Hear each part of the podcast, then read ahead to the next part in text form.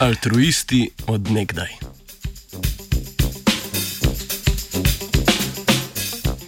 Skupina ameriških znanstvenikov in znanstvenic iz Seattla je z dvema psihološkima poskusoma raziskala novo obliko altruističnega vedenja pri mlajših otrocih. Altruizem je popolno nasprotje sebičnosti.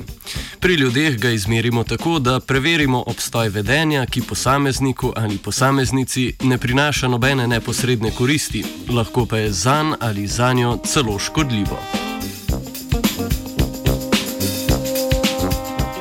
Raziskovalna skupina je poskus izvedla z dvema skupinama, ki sta vključevali po 48 malčkov starih 19 mesecev.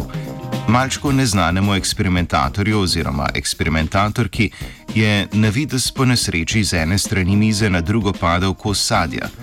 Pri eksperimentalni skupini se je ta z neutralnim izrazom na obrazu in v tišini prepognil čez mizo in stegoval roko, kot da bi se trudil zgrabiti sadež. Pri kontrolni skupini, potem ko je odvrgal sadež, ni delal nikakršnih kreten. Omeniti je treba tudi, da so pri poskusu uporabili jagode, borovnice, banane in grozdje, torej visoko kalorično in naravno zaželeno hrano.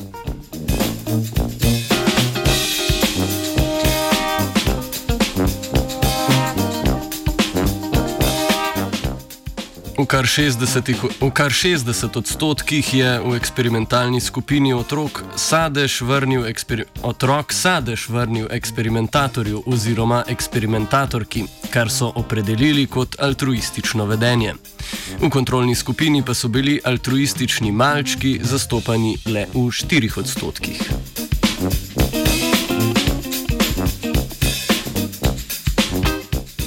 V drugem delu poskusa je raziskovalna skupina preverila, ali malčki eksperimentatorki oziroma eksperimentatorju vrnejo hrano tudi, ko naj bi bili lačni. To so storili tako, da so eksperiment izvajali v otrokovem času hranjenja, čeprav raziskovalna skupina ni merila fizioloških znakov lakote.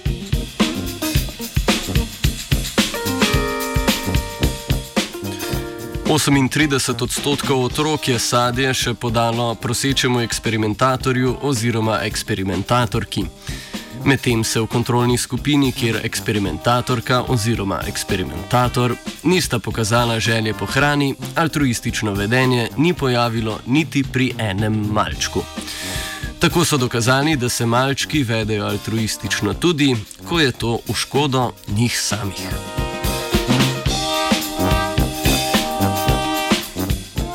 Zaupanje v dobro človeštva se je povrnilo vajencu Lucu. Three, two,